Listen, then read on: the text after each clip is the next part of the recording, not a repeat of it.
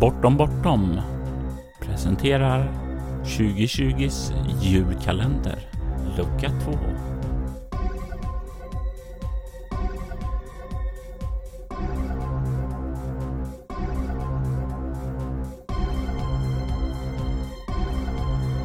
Bakgrundsmusiken i detta avsnitt gjordes av Derek and Brandon Fichter och vignettmusiken gjordes av Robert Jonsson. Och välkommen till dagens lucka av Bortom Bortoms julkalender. Jag heter Lukas Falk från Bläckfisk förlag och Fummelpodden och jag vill berätta om ett minne som rollspelen har gett mig. Min spelgrupp och jag spelade Vindsjäl som är ett ganska traditionellt äventyrsrollspel men lite mer konstruerat för dynamiska actionscener och frihet i handlingar och sådär. Vi hade hackat reglerna till en karibisk piratsetting. Vi spelade en grupp uh, unga bybor på en liten ö som hade en dröm om att se världen.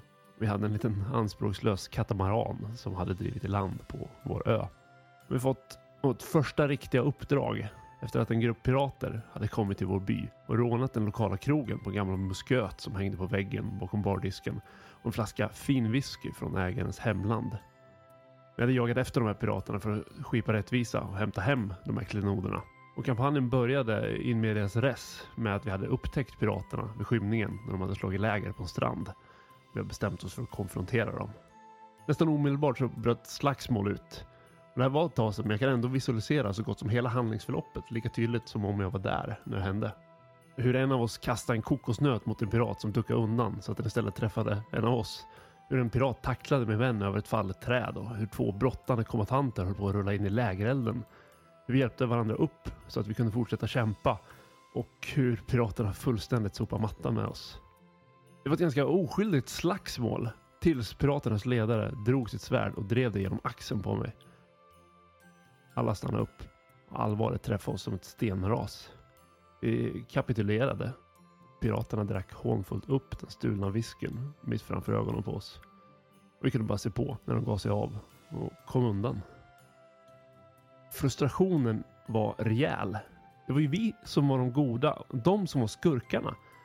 Vi hade gjort så gott vi kunde. Och det här skulle bli början på våra storslagna äventyr. Och vi skulle återvända till byn som hjältar.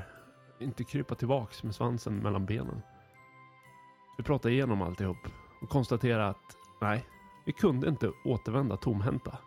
Vi tog vår lilla katamaran och reste ut på det öppna havet mot en stad som låg några dagar bort.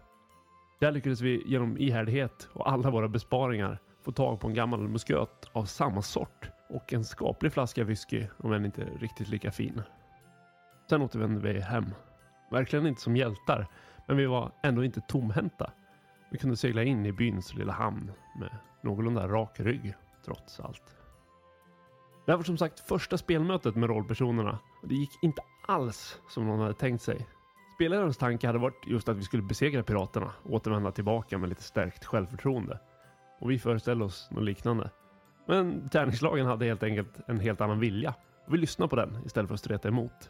Det etablerade en oerhört tydlig ton och en känsla för rollpersonerna. Vi var naiva gröngölingar som gav oss ut på alldeles för djupt vatten, bokstavligt talat. Men vi hade varandra, vi hade vår stolthet och även när vi blev besegrade gav vi inte upp. Det gav oss en stämningsfull och karaktärsstark start på den nya kampanjen. Bjöd på en salig blandning av påtagliga känslor, framåtanda, kamratskap, nederlag, frustration, ihärdighet, stolthet och känslan av att gå från naiv ungdom till att börja bli vuxen. Det här är rollspelen jag tycker är som bäst.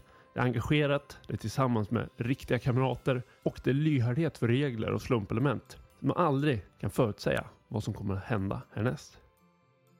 Stort tack för att ni lyssnar på min lilla rollspelshistoria.